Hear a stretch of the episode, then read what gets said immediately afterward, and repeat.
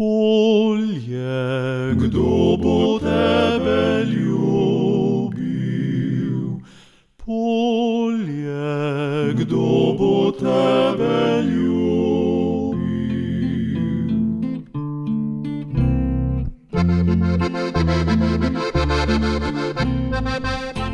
Spoštovane poslušalke in spoštovani poslušalci, lepo pozdravljeni.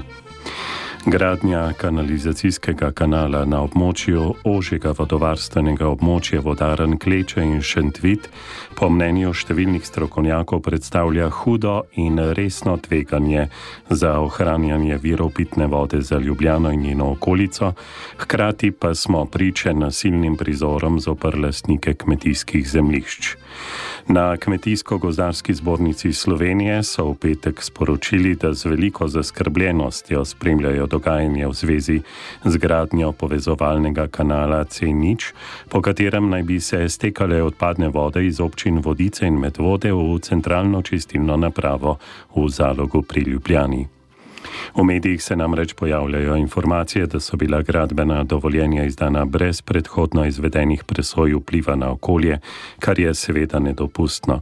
Na drugi strani so kmetje, ki obdelujejo zemljo na vodovarstvenem območju, podvršeni številnim omejitvam pri kmetovanju, zdaj pa nedopustnemu in nasilnemu odnosu lokalne oblasti in policije, pa čeprav zgolj ščitijo svojo lastnino.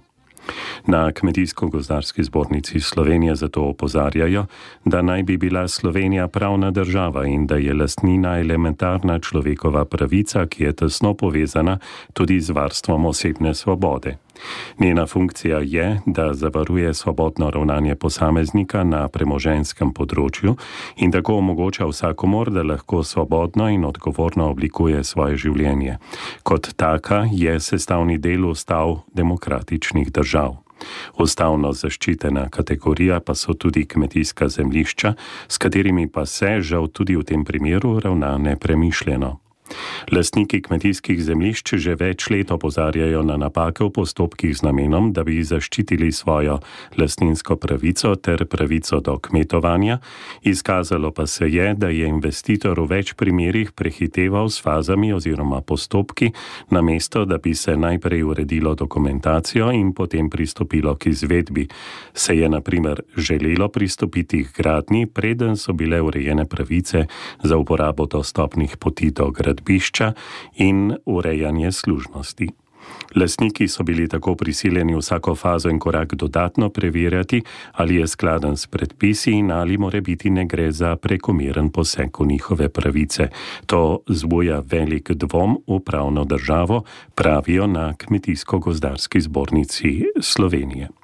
Najbolj sporno pri zadevi pa je, da gre pri gradni kanala za isto vodovarstveno območje, kot je območje, kjer je ustavno sodišče s sklepom iz letošnjega junija začasno zadržalo oziroma prepovedalo uporabo vseh fitofarmacevskih sredstev. Kljub temu, da je uporaba fitofarmacevskih sredstev zaradi zaščite pitne vode na tem območju že tako posebej strogo regulirana, se je ustavno sodišče zgolj zaradi potencijalne nevarnosti odločilo, da se začasno prepove kakršnakoli uporaba teh sredstev.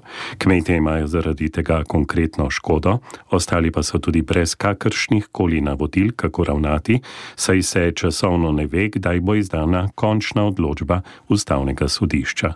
Na drugi strani pa trasa kanala poteka po istem območju, pa nihče ne razmišlja o potencijalni nevarnosti za pitno vodo. Zdi se torej, da obstajajo dvojna merila, pravijo na Kmetijsko-gozdarski zbornici Slovenije, pri čemer so kmetje v obeh primerjih v slabšem položaju in imajo tudi konkretno škodo. Od države bi tudi pričakovali, da če se varuje pitno vodo, kar je v interesu vseh nas, naj se jo varuje z enakimi merili, saj tudi pri kanalizacijskem vodu obstaja potencijalna nevarnost, da se ogrozi kakovost pitne vode. Da bi se odpravili vsi dvomi v zakonitost ravnanja mestne občine Ljubljana in ostalih organov, ki sodelujejo pri postopkih, so pristojne organe, ministerstva in tudi varuha človekovih pravic pravic pozvali, da v okviru svojih pristojnosti preverijo zakonitosti postopkov, zlasti z vidika varstva lastninske pravice lastnikov kmetijskih zemljišč in posledično zaščite teh zemljišč, so v petek sporočili z Kmetijsko-gozdarske zbornice Slovenije.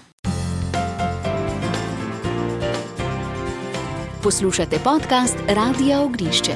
Podcast Radio Ognišče. Medtem ko se inšpekcijski nadzor v glavnici v Račah nadaljuje, pa prvi izsledki kažejo, da je oprema ustrezna in redno vzdrževana, in tudi sicer postopki v glavnici potekajo po pravilih. Vsi zaposleni na glavni liniji imajo opravljena zahtevana izobraževanja, na voljo so jim tudi vsa navodila, in v glavnici obstaja tudi pooblaščenec za zagotavljanje varnosti pri zakolu. Dr. Branko Podpečan, direktor Inšpekcije za varno hrano, veterinarstvo in varstvo rastlin, je v petek povedal, da so v klavnici v Račah takoj po prejetju posnetka odredili izredni inšpekcijski nadzor, ki še traja. Nepravilnosti na opremi in pravilih postopkov niso odkrili. Vendar se je izkazalo na podlagi teh uh, posnetkov, da teh postopkov ne izvajajo tako, kot so si zapisali. Tu pa imamo na inšpekciji za varno hrano kar en problem.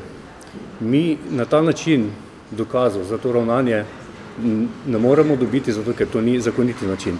Dr. Podpečan tudi opozarja, da inšpekcija ne more zagotavljati neprestanega nadzora nad načinom izvajanja postopkov v glavnici, njihovi inšpektori tudi ne morejo izvajati skritega snemanja, ko pa so prisotni, vse seveda poteka po pravilih. Po njegovem mnenju tega tudi ne more nadzirati uradni veterinar. Teh postopkov ne moremo preverjati.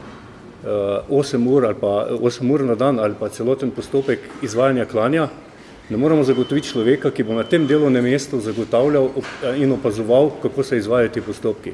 Ker osnovna naloga veterinarja, ki je prisoten pri klanju, je pregled pred zakolom in pregled po zakolu.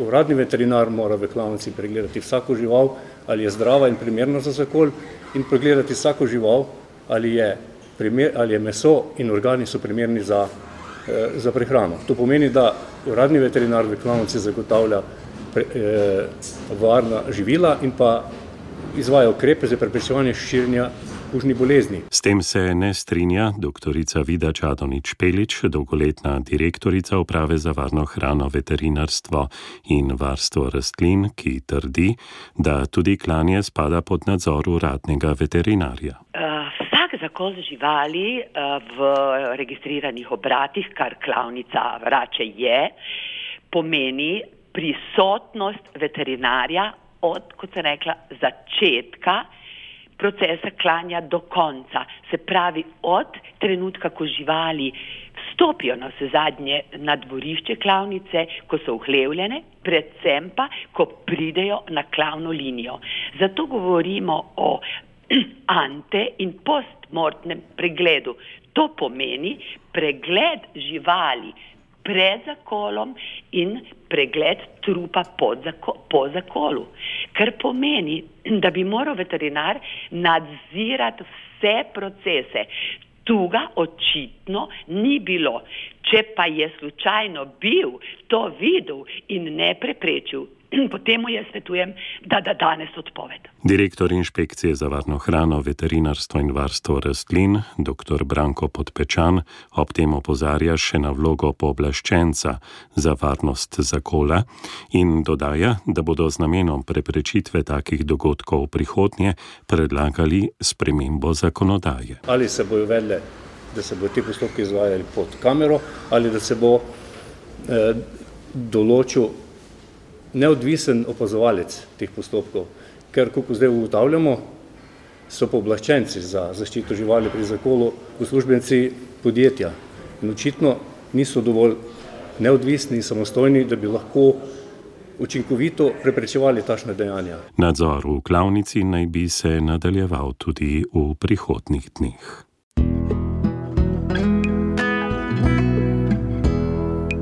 Poslušate podcast Radio Ognišče podprite nas s svojo oceno. Hvala.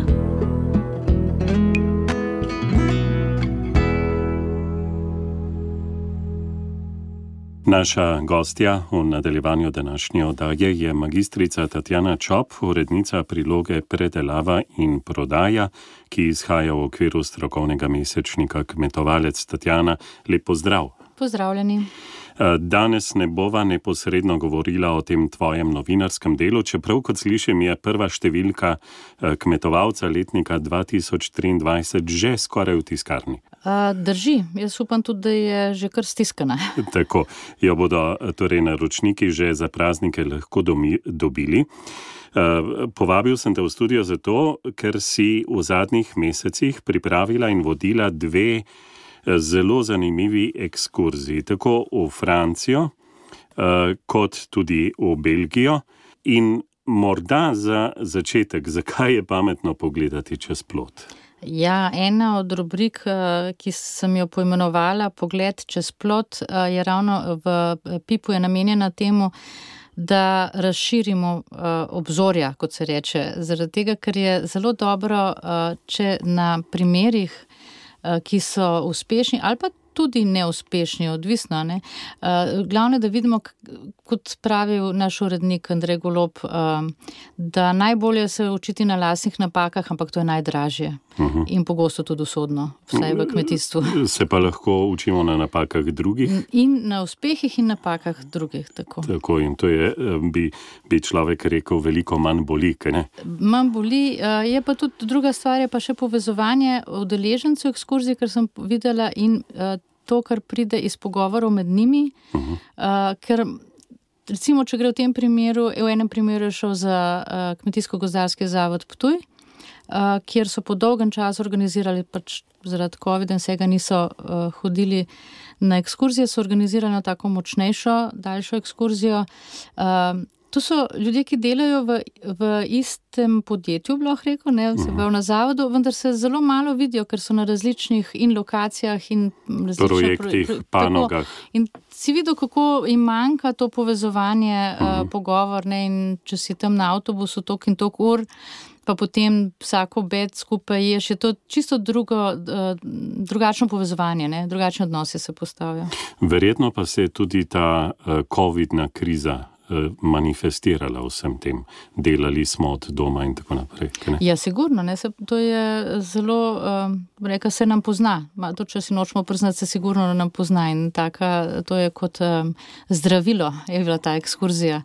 Uh, druga ekskurzija je bila pa sindikat kmetov Slovenije uh, in uh, je bilo pa v Belgijo, tako da tam pa, se pravi, so pa spet uh, kmetje, ki se zelo malo vidijo tako, ne, pač na sestankih, na srečanjih, si pa imajo kaj zapovedati, pa kaj za izmenjati, pa tudi kakšna povezava se lahko uh, porodi. Ob, obe ekskurziji pa imata skupno to, da ju je omogočil evropski poslanec Franz Bogovič.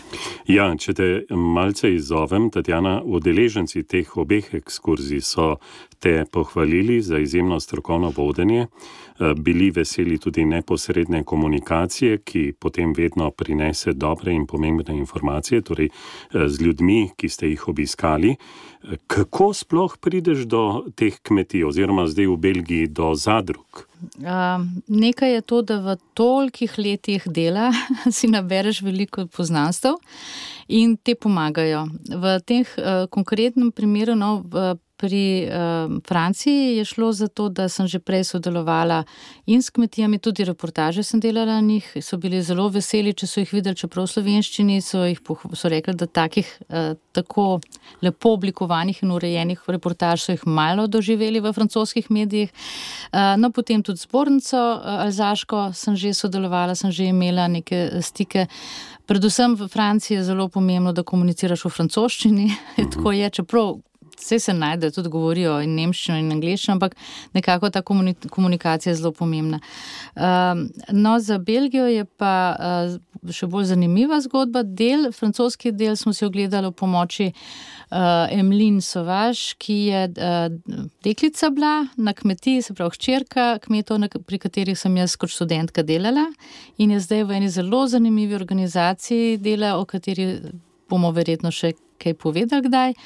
No, ona nam je pomagala priti do takšnih zanimivih primerov v valonskem delu. V flamskem delu pa je pomagal naj uh, stanovski kolega Jeffer Harn, uh, v bistvu stanovni predsednik uh, Evropske mreže kmetijskih novinarjev, kjer je tudi uh, društvo, v katerem smo mi dva uh, učlanjena, Društvo agrarnih novinarjev Slovenije, član. Tako da to je iz prve roke, se pravi nekdo, novi, v tem primeru novinar, ki dobro pozna, ki je že videl in mi je tudi poslal prej reportaže.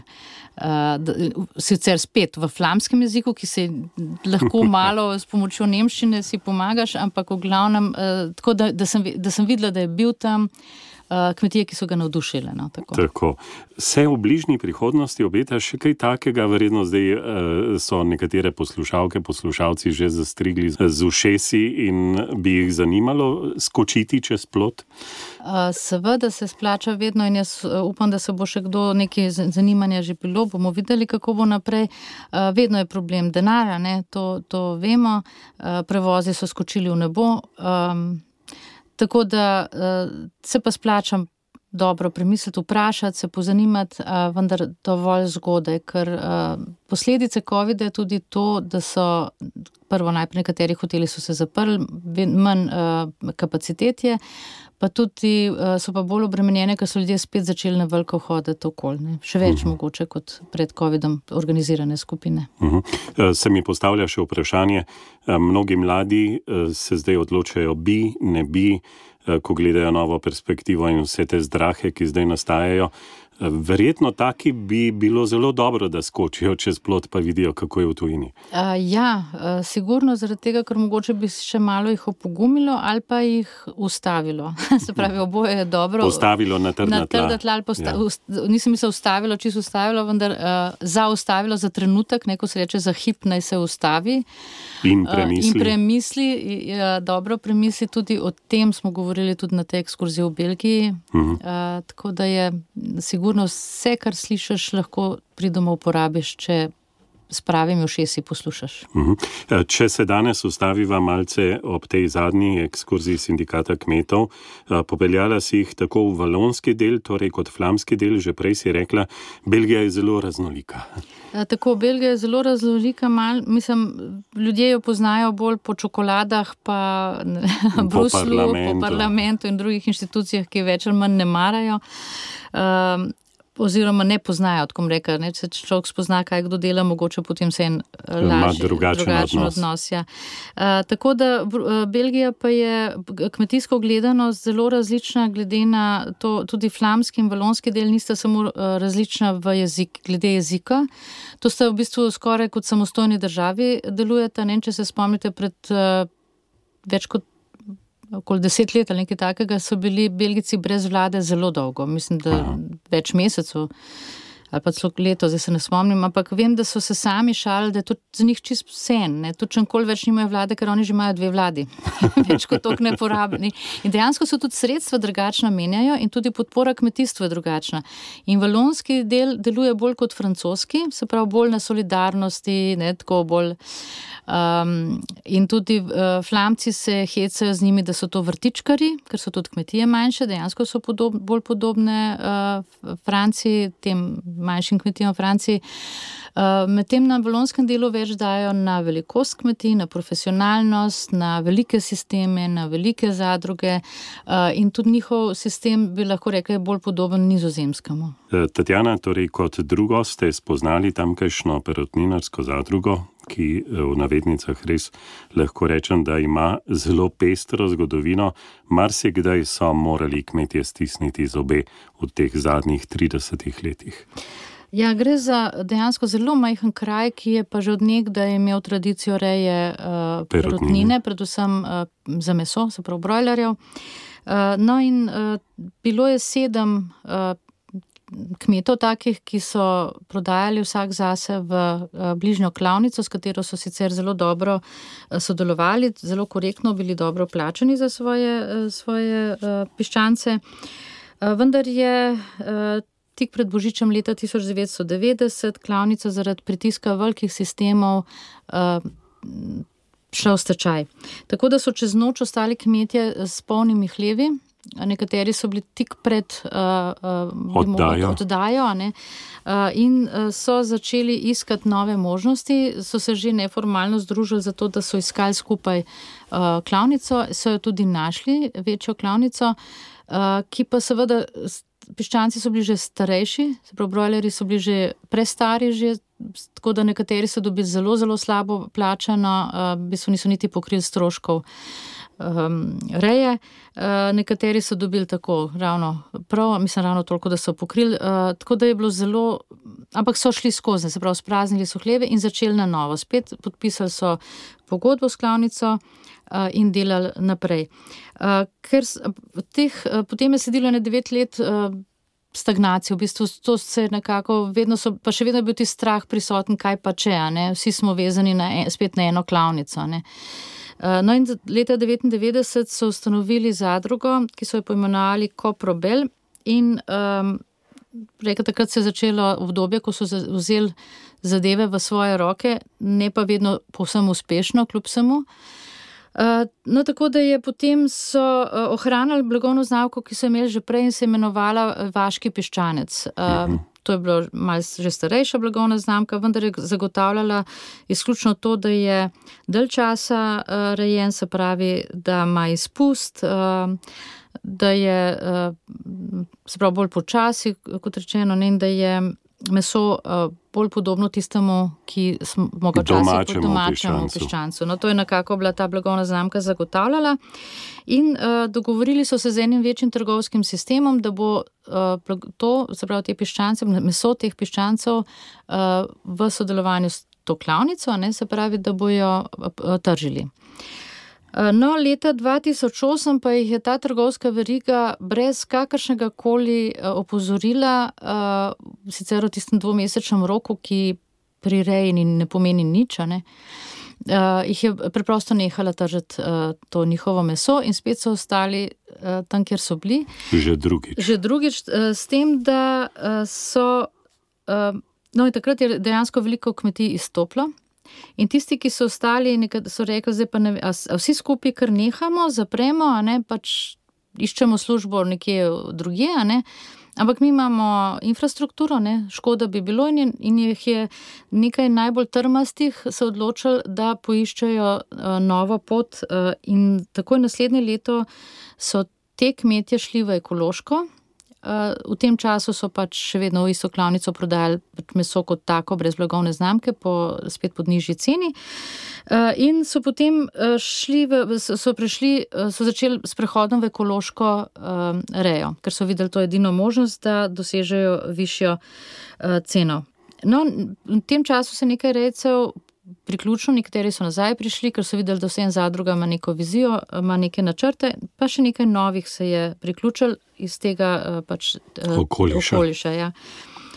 No, po dobrem letu so se vsi strinjali, da te ekološki piščanci so mnogo boljši in da uh, potrebujejo novo blagovno znamko.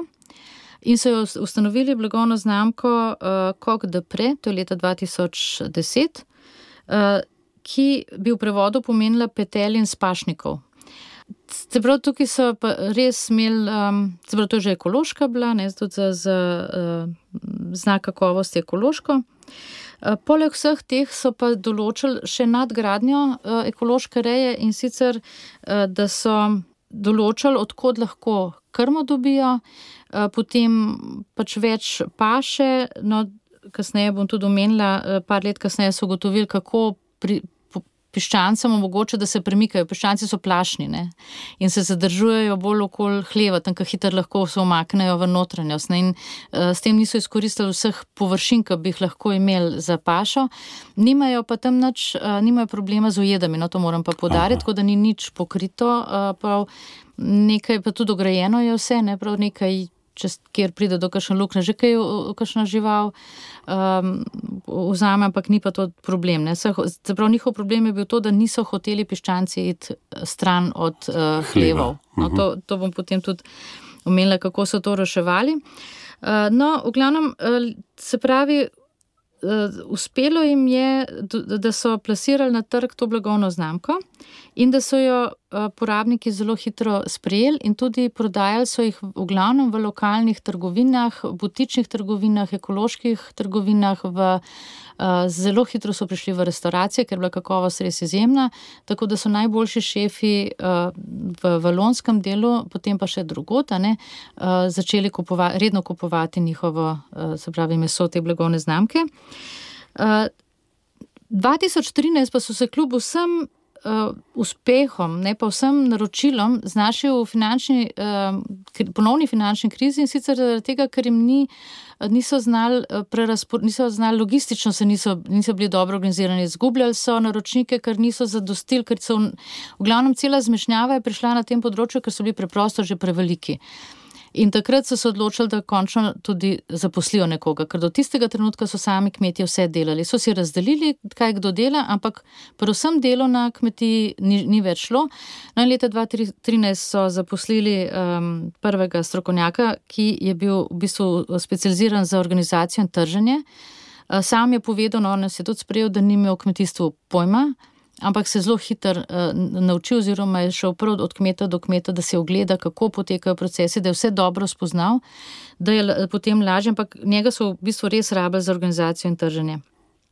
No, rezultati so bili hitro uh, vidni, in uh, zadruga je začela um, dobiček uh, akumulirati, s tem, da to je zadruga, ki se lahko kot zadruga je lahko usmerjala v razvoj. Uh, pa po dogovoru so si lahko razdelili zadružniki. No, naj še to podarim, da ta zadruga deluje tako kot prava zadruga, en človek, en glas, mhm. en član, en glas, ne glede na to, koliko je velika. Uh, tako da so pa od začetka lahko pač kupovali tudi um, deleže ne, v zadrugi, ampak kljub temu, ne glede na to, koliko ima deleža v zadrugi, je en človek, en glas, to je pač njihova osnova. Ne. Eh, no, leta 2016 so pa prišli, na, eh, so še nekaj zaposlili vmes in je nekdo od teh zaposlenih prišel na zamisel, da bi pa sadili eh, stara, avtohtona, visokodebelna drevesa, sadna drevesa, da bi omogočili senco in pa žive meje, da bi s tem prepričali piščance, da se oddalijo, in to je dejansko bilo uspešno. Najprej so žive meje, potem pa še drevesa začeli saditi, in zdaj je to obvezno. Za to blagovno znamko Aha. je obvezno tudi sajenje dreves. Namreč s tem so niso dosegli samo tega, hoteli so tudi uh, izboljšati imič, kot se reče, podobo. Uh, kmetov uh, v širši okolici, se pravi, zato da so videli drugi, da delajo tudi nekaj dobrega za okolje. Uh, poleg tega so to tudi ekološki sadovnjaki, se pravi, neškropljeni in bojo zdaj, ko bo tudi. Uh, Že rojevajo, no, prvo let, drugo leto bojo prvič začeli tudi tržiti um, sadne pripravke, se pravi, marmelade, sadne namaze, kompote in tako dalje. In s tem razširili, se pravi, diversificirali uh, pridelavo. Prid, pridelavo, namreč te kmetije se zdaj pomlajujejo in mladi uh, um, iščejo, še, kaj bi še zraven, ne, tako da bojo lahko tudi kakšen, ki bo imel neposredno prodajo za širšo ponudbo kot samo piščančje meso. Uh -huh. uh, sem pa slišal od udeležencev ekskurzije, da zdaj delajo že na tem, da pravzaprav uh, samo izkoristijo uslugo klanja v določeni klavnici, eh, da so storili še en korak naprej. Verjetno je to bil zelo pomemben korak. Uh, ja, to je bilo pa pri njih uh, odločilno. Namreč sami so rekli, nikoli več se vezati na velike sisteme. To je bila prva odločitev. In druga, zakaj bi pa mi. Prodajali piščance klavnici, če je pa meso tisto, kar nekaj velja. In mhm. zato so se odločili, da bojo klavnicam plačevali samo uh, uslugo klanja. Uh, in tako da je tako narejen, da je kmet je lasnik piščanca do kamiona. Se pravi, ko, ko ga prevzame zadruga, uh, transport v klavnico, postane, se ga odkupi, se pravi, tisto, to je to, kar odkupi zadruga. Ne? In zadruga potem, uh, pač kot smo rekli, da oklanje in dobi nazaj meso, in potem cel postopek. Uh, je v, v domeni zadruge, uh mhm. -huh. tako, do prodaje, ne tudi trženje, ne, vse, do mhm. konca, ne, v mhm. bistvu ali do, do restauracije ali pa do trgovine. Ne. Uh, kot rečeno, v glavnem so se usmerjali v manjše trgovine, s tem je tudi več možnosti prodaje. Kot, kot so rekli, ne, nikoli vel, veliki sistemi, nikoli več, nikjer, ne klavnice, ne trgovski sistemi. Ne. Torej, razpršiti, razpršiti tako, tudi prodajo, zato da ne ostaneš čez noč spet v taki zgodbi. Tako je. Ja. Pri tem, da so potem, obenem so pa tudi uh, določili, um, se pravi, so rekli, ključni, ključno za njihov uspeh je tudi to, da so kmetom omogočili pravično ceno Aha. in so tudi pridobili nacionalno znamko kakovosti pravična cena za proizvajalca. Ker oni imajo pač za proizvajalca, za trgovca, za, tako, ne, vsak, vsaka panoga ima uh, svojo. Ne. Tako da so tudi to dosegali, namreč uh, ta cena je tako do, temelji na ceni krme. To je osnova, je cena krme, potem pa zraven še more pokriti uh, dan starega piščanca, pa še vse ostale stroške, se pravi obratovalne in delo uh, rejca. In to je, to je pač uh, formula, ki jo imajo za oblikovanje cene končne. Zato je dobro, ker vsi vejo, točno vejo, kakšna bo cena, od česa je odvisna, ne? in se vsi s tem strinjajo. In ceno skupaj spremenijo, kadar je potrebno, so vedno seznanjeni, ko se posamezni uh, elementi spremenjajo in vejo, koliko bodo dobili za svoje delo vnaprej. In 14 dni plačilo, no. mislim, kar je tudi. Marsikdo pri nas bi rekel uh, nebesa. Ja, se tako so tudi pogledali, vsi udeleženci, ko rekel ja. 14 dnevno plačilo. Ja. Uh, no, in kaj, kam so zdaj prišli, kot sem omenila v teh dnevih, mi smo si lahko ogledali uh, prostore v nastajanju, kjer bojo predelovali uh, meso. Aha, še v predelavo. Še v predelavo so šli sami. Uh, delno jih je prisilo to, da v določenem času so nek, po nekaterih delih piščanca manjša popraševanja bilo. To, to pa zdaj, uh, že takrat so zmrzovali in potem zmrzeno prodajali, ne, pa, zdaj so pa rekli, mi pa lahko tudi to predelamo. Ne. Tako da zdaj zaposlili so pred dvemi leti enega mladega živilskega tehnologa. Njegova naloga je bila, da pripravi projekte in spelje uh, gradno, s tem, da niso šli prav, pravo gradno, pač pa so uh, odkupili en, en del um, cone industrijske, torej eno, eno halo in v njej z takimi moduli uh, sestavili. Tak, um, pač, ker v hali ne bi mogli se zadostiti čiste, nečiste poti, so z moduli postavili predelovalni obrat. Hladilnica, skladišče, predelava, ena predelava, druga pranje in tako naprej. Tako da je zdaj to tako miniaturno, predel, mislim, miniaturno, kar dosti velik. Eh, pri tem naj povem, da ta fant uh, je ob enem uh, razvija nove izdelke. Mi smo jih uh, videli nekaj, uh, so nam jih tudi uh, podarili. Um, ampak to so ti poskusni, zdaj pa takoj z, z novim letom, let, uh, pa se začne prava predelava in so že vnaprej, imajo, je rekel, fant, imamo že kar dobro razprodano, ker smo obvestili, povedali, kakšno bo smo dali v degustacijo in bomo domnevali, da ne bo velikih težav. Je pa rekel, da bo sam zaposlen, še vsaj leto ali pa dve leti bo sam, se pravi, sam tudi fizično delal. Ne? Neverjetno. Ja, uh, in uh, bo mogoče v kakšni špici dobil kakšno pomoč začasno, ampak v glavnem je rekel, vem, da v dve leti bom pa kar sam tukaj noter. Ja, zanimive izkušnje, pravzaprav se mi pa zdi, če zdaj nekako podčrtava Tatjana, pomen združevanja. Torej, če hočeš obstati. Eh, pa pomen tistega, da stisneš zobe, ko se eh, pojavi tak eh, krizni dogodek in poiščeš pot naprej. Niso obupali, se pa vse to nekako mi prihaja na misel tisti. Dokumentarni film o teh v sosednji Franciji, kmetij, ki so se ukvarjale z rejo perutnine in se znašle v teh težavah, prav zaradi te navezave na ene take velike verige. Ja, eh, če si sami to težko v tem primeru, ko so bili le skupaj, so lažje eh, prebrodili to krizo. Eh, takrat jih je bilo sedem rejcev v vasi nepovezanih, danes je 40 povezanih rejcev v zadrugo. In zdaj se več ne bojijo uh, prihodnosti, zdaj mislijo, da so kar lepo uh, zastavili zadeve. Tudi pri krmi, recimo, so se povezali, tudi to je njihov, uh, pravi, en od njihovih, na, njihovih načel je tudi to, da se lokalno, čim več lokalno, kar se da lokalno. Uh, tako da tudi uh, krmo uh, kupujejo od ene lokalne, zelo balonske zadruge, ki združuje pa poljedelske kmetije uh, in so ena od prvih zadrug, ki je ponujala na trg. Um, ekološko krmo za, za perutnino. In slišal sem, da so se zdaj usmerili tudi na druga področja, torej tudi rejo perutnine za jajca in tako naprej. Ja, dejansko so eh, rejci eh, kokoši, nesnic, se, se stopili v stik z njimi in uh, prišlo je potem pred kratkim do tega širitve dejavnosti zadruge in novi, prisprijeli so nove člane, ki so uh, rejci nesnic. Tako da so še razširili v bistvu že svojo to tržno pot izkoristili še za jajca. Tako, torej to prinaša, tako združevanje pravzaprav prinaša uh, dobro enim in drugim. Ja, v, nadaljevanju počitno bojo še prodajali uh, kompote pa marmelade, kot se bo slišati. Verjetno slovenski kmetje, ki so vse to videli, so potegnili kakšno črto in rekli, tudi v Sloveniji bi lahko na tak način redili perutnino. Torej, bolj ekstenzivna reja reja, ki prinaša bolj okusno meso, v tem primeru tudi ekološka, visokodebelni eh, sadovnjaki, senca, ki jo nudijo tem živalim in tako naprej. Vprašanja, ki so pri nas aktualna. Uh, jaz mislim, da bi o tem bilo dobro poprašati kakšnega od, od udeležencev, da bi mm. verjetno še drugo plat uh, dobili poslušalci Radio Ognišče v prihodnje.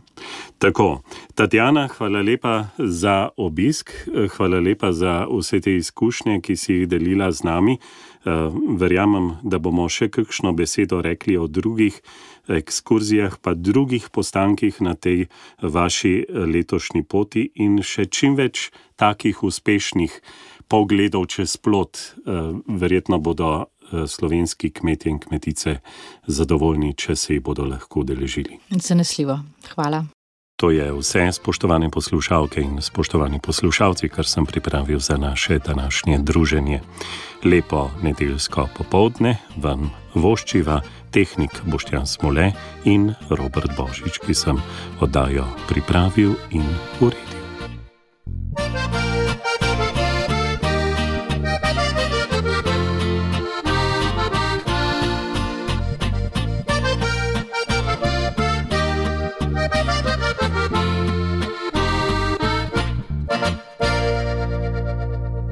Hvala za poslušanje. Podprite brezplačen dostop do naših vsebin in postanite prijatelj Radia Ognišče.